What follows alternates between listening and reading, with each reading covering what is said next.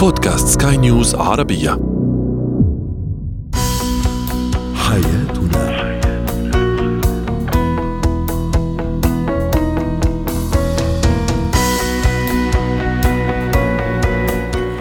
مستمعينا الكرام أهلا بكم معنا إلى برنامج حياتنا برنامجكم اليومي الذي يعنى بشؤون الأسرة وباقي الشؤون الحياتية الأخرى والذي يمكنكم الاستماع إليه عبر منصة سكاي نيوز عربيه dot com slash بودكاست وباقي منصات سكاي نيوز عربيه الأخرى. معي أنا أمال شاب. نتحدث اليوم عن الأطعمة التي تسبب الحساسية عند الأطفال. أيضا نتحدث عن الشك المرضي عند الشريك كيف نتعامل معه؟ وأخيرا اتيكيت المشي وأيضا تحديدا عند السيدة.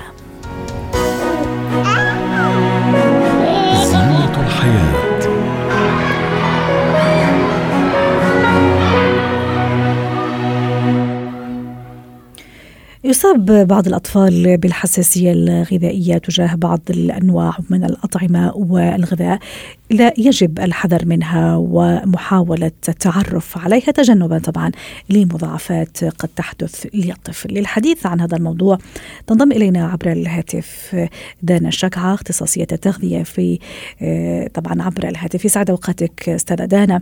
في البداية كمدخل بسيط لفقرتنا اليوم أو موضوعنا اليوم ما هي الحساسية الغذائية التي تصيب الطفل؟ مرحبا يسعد أوقاتكم. أهلا وسهلا. آه هلا بالنسبة للحساسيات الشائعة اللي بتصيب الأطفال بشكل عام هي آه خلينا نقول في آه بعض المأكولات الشائعة كثير إنه بتصيب الأطفال مثل البيض الحليب آه الفول السوداني منتجات القمح والصويا. هاي من الأشياء اللي كثير شائعة إنه الأطفال يصير عندهم حساسية تجاهها.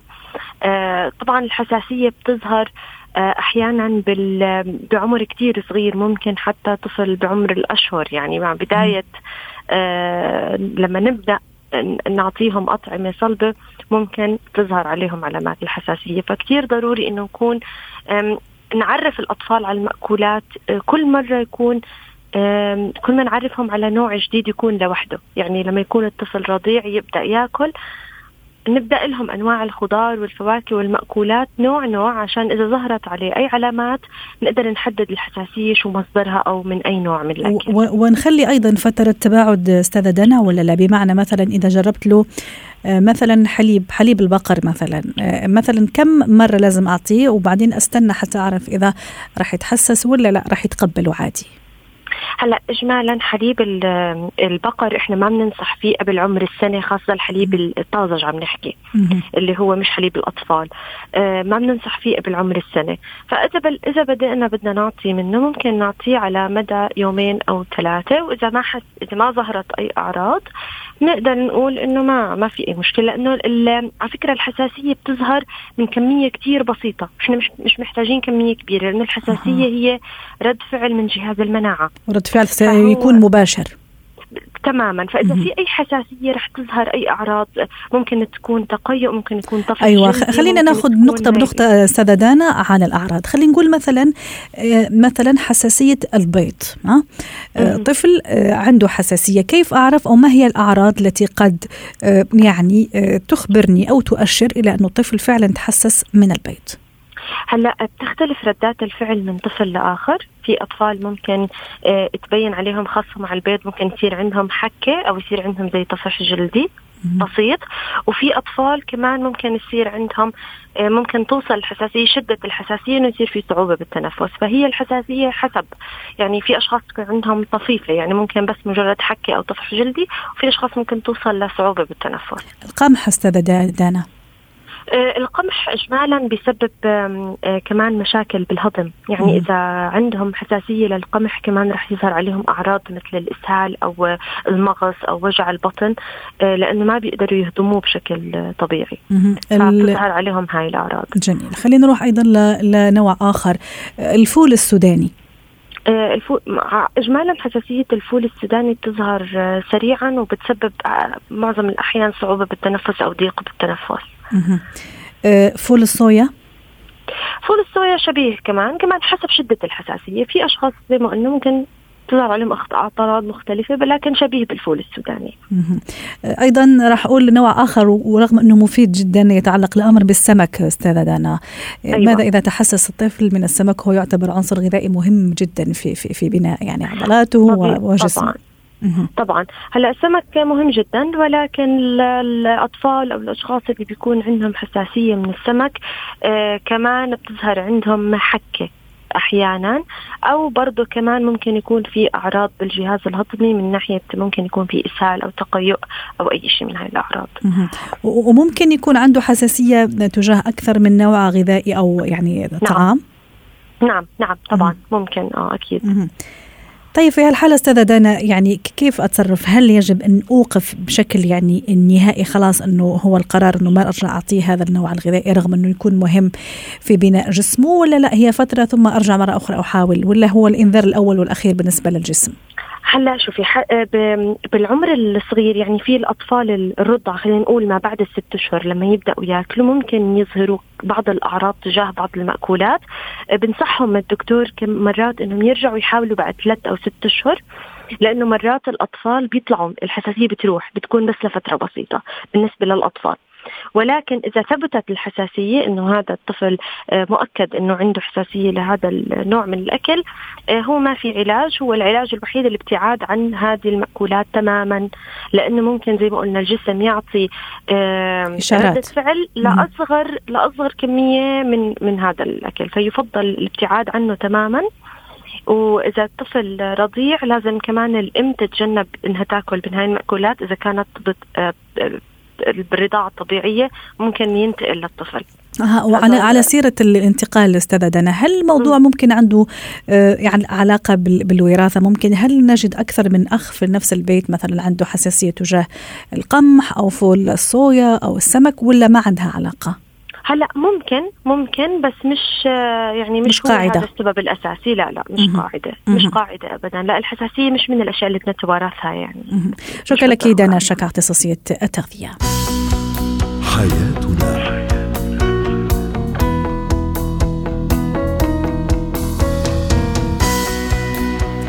نجدد التحية لكل مستمعينا ومستمعاتنا. أنتم تستمعون لبرنامج حياتنا برنامجكم اليومي الذي يعنى بشؤون الأسرة وباقي الشؤون الحياتية الأخرى. معي أنا أمال شاب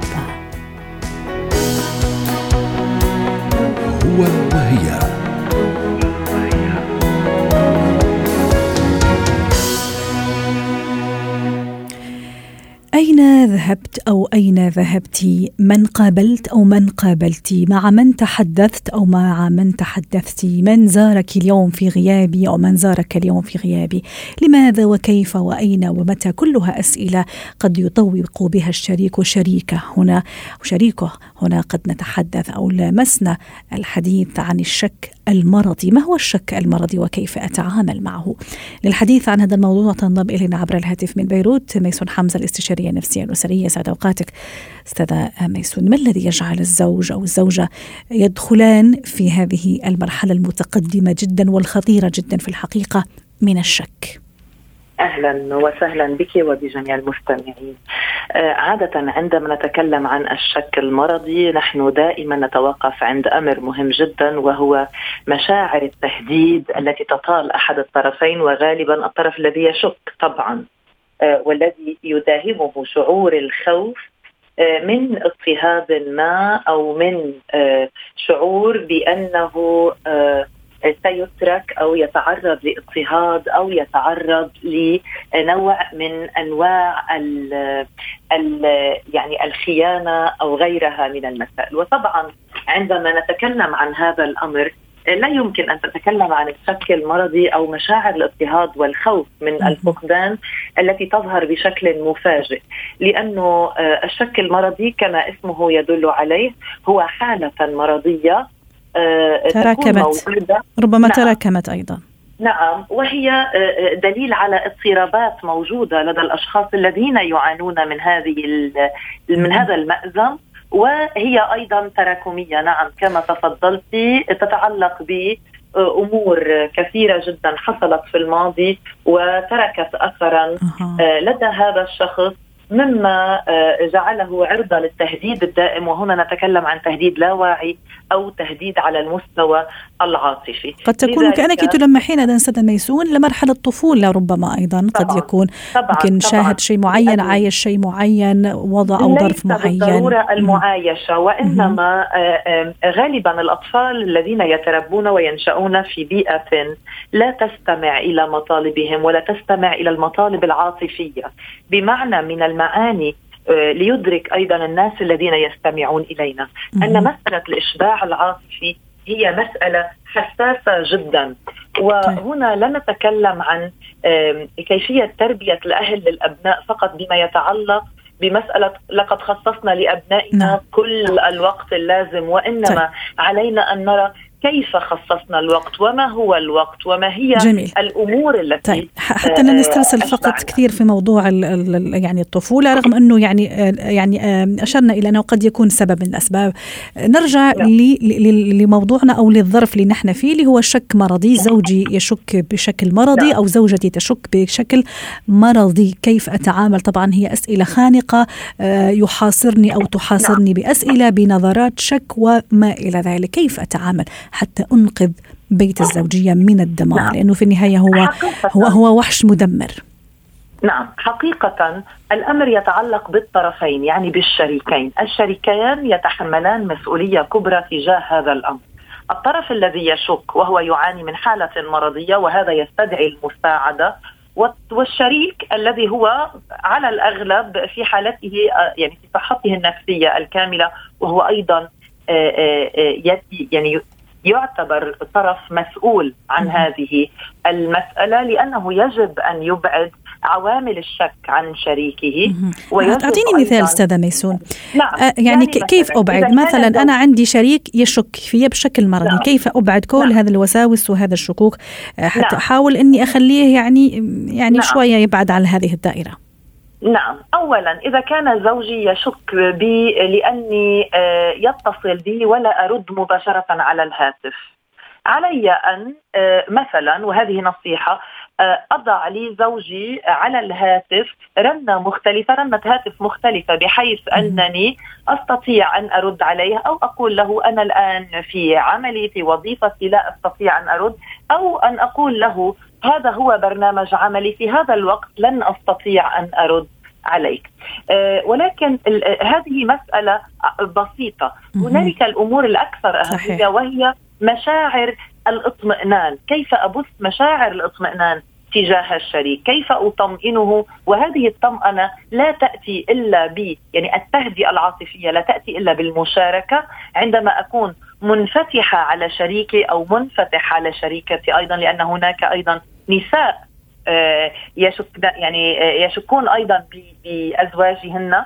آه، الانفتاح حول الصراحة والوضوح في الحركة اليومية وفي الصداقات والعلاقات وأن لا أترك أمر يترك يعني يشكل ريبة بيني وبين شريكي أن أكون منفتحة أو أكون منفتحا على الشريك أن أطلعه وإن كان يحب تفاصيل الأمور. لا أص... يعني هنالك بعض الأزواج الذين يشكون من مسألة لا يمكن أن أقول له كل التفاصيل حول حركتي اليومية. نعم في بادئ الأمر بإمكانك أن تقولي أو بإمكانك أن تقول لها تفاصيل الحركة اليومية. ولكن لاحقا بإمكانك أن تقوم بتمرين التقليل التدريجي من هذه الأمور. آه ثالثا بإمكاني أن أظهر له الحب والتعاطف والمساندة. وهذا من شأنه أيضا أن يطمئن. أن آه، لا أذهب إلى مكان آه، يستطيع أن يقوم بمرافقتي. في بادئ الأمر سيرافقني ولكن لاحقا سيمل ربما من المرافقة عندما يطمئن. لأنه دائما الشخص الذي يعاني من تهديد يؤدي به إلى الشك. علينا أن نبعد ونذلل كل ما يشكل له تهديد كل ما يشعره بهذا التهديد. وفي نهاية الأمر وأيضا يعزز ثقته بنفسه لأنه في النهاية هذا الشخص أو هذه الشخصية ما عندها ثقة الكافية عندها نعم. ثقة مهزوزة يعني حتى نخدم أستاذة ميسون. نعم وأيضا أيضا هنالك أمر أردت أن أصوب عليه إنه كما أظهر لشريكي لأنه أحيانا الشريك السليم يشعر بأنه يقوم بأمور لا يجب يعني هنالك خصوصياته وخصوصيات العمل و وخصوصيته الشخصية تتعرض لي أيضا المساءلة. هنا علي أن أقنع شريكي كما أنا أطلعك على تفاصيل حياتي. فلتطلعني فلتشركني على تفاصيل حياتك. هنا يشعر الطرف المضطهد أو الذي يشك بحالة المساواة. يعني مهم. جدا أن يكون هنالك مساواة في التعامل بين الطرفين على المستوى النفسي وعلى المستوى العاطفي. وأخيرا أن أنصح شريكي أو أن أرافق شريكي إلى علاج يعني هؤلاء الأشخاص يحتاجون إلى العلاج والمتابعة أيوه هذا موضوع مهم أيضا وهذه نقطة حابة أيضا أركز عليها في هذا اللقاء وإن كنا نعم. راح نختم بعد شوي نعم.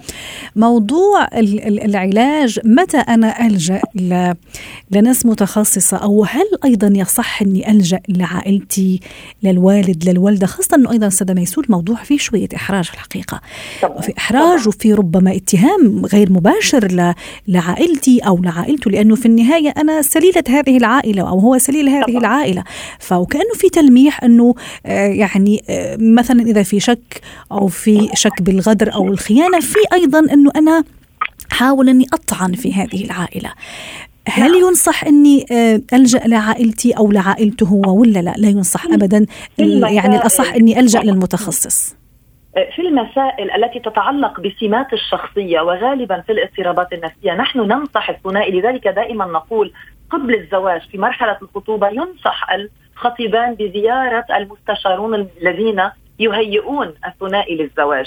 غالبا في هذه الأمور الحساسة جدا التي تطال شخصية الآخر وخصوصيته ينصح بعدم إشراك الأهل إلا إذا كان هنالك نوع من التعنيف يأخذ مجراه في العلاقة. واضح. واضح. يعني التعنيف المعنوي أو التعنيف المادي كالضرب وغيره.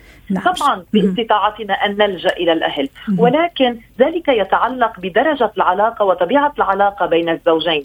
إذا كانا زوجان آه، آه، قد مر على علاقتهما قبل الخطوبة يعني علاقة حب ومعرفة وخطوبة وقد اختارا بعضهما البعض بشكل إرادي ينصح أن يحل يعني أن يلجأوا إلى حل المشكل عبر أخصائيين واضح. لأنهم يعرفون بعضهم البعض.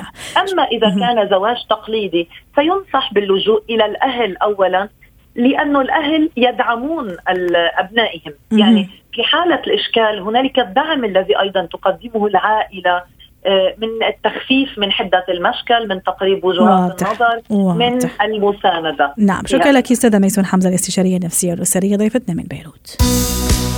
حياتنا.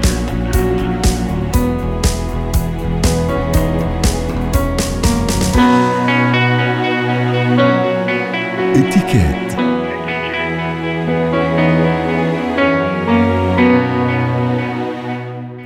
المشي كسيدة راقية يعني المشي بكل ثقة واتزان ورشاقة للحديث عن هذا الموضوع. تنضم إلينا عبر الهاتف من القاهرة سلوى عفيفي خبيرة الإتيكات. يسعد أوقاتك أستاذة سلوى. اليوم سنتحدث عن إتيكات المشي آه، عند السيدة. آه، ما الذي يجب مراعاته؟ آه، يعني بغض النظر على إذا مثلا كانت السيدة ترتدي كعب عالي أو مثلا حذاء رياضي وأنتم بكرامة ما هي القواعد التي لا يجب أبدا أن أحيد عنها؟ يسعد مساك يا استاذه امال طبعا المشي من علامات الأنوثة وحركة الجسد يعني من من علامات الثقة بالنفس أيضا. دائما نقول مثلا هذه البنت مشيتها حلوة وفي إنسان ممكن يبشع شكله بالمشيه الخاطئة. فدائما نقول هناك قواعد أساسية لا نحيد عنها بالنسبة للمرأة. الأرجل تكون مضمومتان. يعني دائما نقول للمرأة الركب تكون مضمومة. حتى إنجاز التعبير أحيانا لما المرأة تلبس الكولون أو الشراب الشفاف يعني يفضل أن يعني الصوت يكون واضح. هذه من المميزات يعني نقولها في الاتيكيت. آه أن يكون المشي على خط مستقيم ألا تكون الخطوة سريعة أو واسعة ولا ضيقة جدا. آه مثل ما ذكرتي بالنسبة للحذاء لابد أن نراعي صوت الحذاء ولذلك نقول أيضا لكل مقام ملابس مخصصة. يعني لا أذهب بالكعب العالي مثلا في العمل. فهنا نراعي كل هذه الأشياء. الكتف لابد أن يكون مفرود. لكن في أحيانا أيضا أماكن عمل تتطلب مثلا الواحدة ممكن تروح بلباس رسمي واللباس الرسمي أيضا يستدعي نوع معين من الأحذية. نعم. ولكن دائما نقول إنه لا يزيد عن من 3 سم إلى 7 سم ونراعي الصوت الذي يصدر عن ذلك. يعني لا يكون صوت ملفت جدا للنظر. آه أيضا آه قلنا أن نحافظ على استقامة آه الذقن تكون في مستوى متوازي مع الأرض ويكون العين في مستوى النظر أيضا. آه دائما كانوا يعلمونا يعني نحط كتب على رأسنا حتى لا نميل آه إلى أن نعتاد ذلك. فهذه القواعد الأساسية يعني. حتى يمكن هذه طريقة ال models أو عارضات الأزياء نعم. يمكن لما يعودوهم نعم. على طريقة مشي معينة. نعم حتى يضاف إليها أنه ال catwalk يعني نسميها أنه كأنه القدمين تأتي واحدة آه، يعني تلو الأخرى. مثل القطة يعني. فهذه طبعا لا نمشي هذه. كل إنسان له مشيته حسب تكوينه الجسماني. ومع ذلك نحافظ على هذه القواعد ونتدرب جميل. عليها أيضا. جميل. ست سلوى مثلا إذا سقط من السيدة أي شيء خلينا نقول مثلا من متعلقاتها مفتاح ممكن أحيانا الموبايل أي شيء مثلا هل نعم. في طريقة معينة أيضا لالتقاطه؟ وهذه ممكن أيضا تدخل في إطار أو في اتكات المشي والوقوف أكيد. وما إلى ذلك. أكيد يكون النزول بخفة كأني أجلس على الأرض ولا أحمي ظهري إيه إيه كأني أنزل وأرتفع بخفة.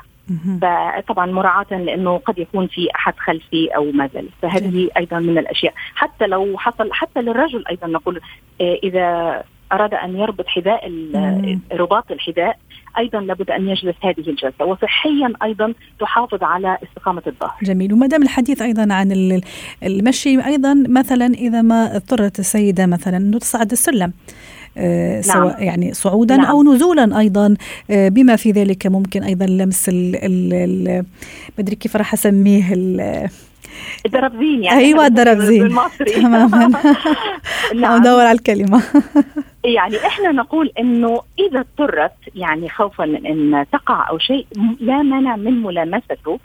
ولكن أيضا نقول إنه لا تقبض به لا تقبض بكامل يديها. آه خاصة في زمن الكورونا يعني لابد أن نراعي هذه الأمور.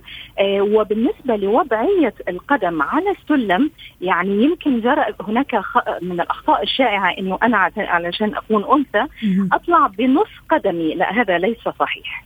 فلأنه هذا يجعل وزن الجسم في الخلف وقد يؤدي إلى أن أسقط يعني. فنضع القدم كلها على اليمين آه، عفوا على على السلم كاملة. ونراعي أيضا إذا كنت أنا اصعد ببطء يمكن في حد صح. مستعجل أن صح. آخذ ناحية اليمين وهذه ما نسميها بقاعدة اليمين. صحيح صحيح. ونفس الشيء ينطبق أيضا في عند النزول أستاذة سلوى؟ نعم عند النزول عند النزول المشي نعم. على الرصيف وعلى المشي في الممرات أيضا أه. كل شخص يتخذ ناحية اليمين ليفسح المجال للناحية الأخرى. مه. طيب وبالنسبة لل... لل... أيضا مثلا إذا ارتديت مثلا حذاء رياضي أو flat shoes مثلا نفس الشيء ينطبق عليها صح؟ يعني هذه القواعد نحن نحكيها بشكل بشكل عام. لأنه أحيانا أنا قصدي إيه. لما الوحدة ممكن ترتدي flat shoes أو حذاء رياضي مم. ممكن تكون المشي أسلس وأسرع ممكن آه. قد تختلف. هي ممكن يعني لو أنا رايحة الحين الإيقاع يختلف إيقاع المشي يختلف. طبعا الشكل وبايقاع سريع لأنه راح نختم أيضا سادة سلوى. أكيد أكيد. ولكن لا يعني لا أفتح إجري. يعني نحافظ أيضا على نفس القواعد. آه، بس أكيد الملابس الرياضية يمكن أو الملابس السبورت يعني تعطي حرية أكثر مع مراعاة نفس القواعد والمحافظة عليها لنحافظ على الإيمج والصورة آه، لنا. نعم. شكرا لك يا سعدتيني استاذه سلوى عفيفي بهذه المشاركة. كنت معنا من القاهرة يسعد أوقاتك.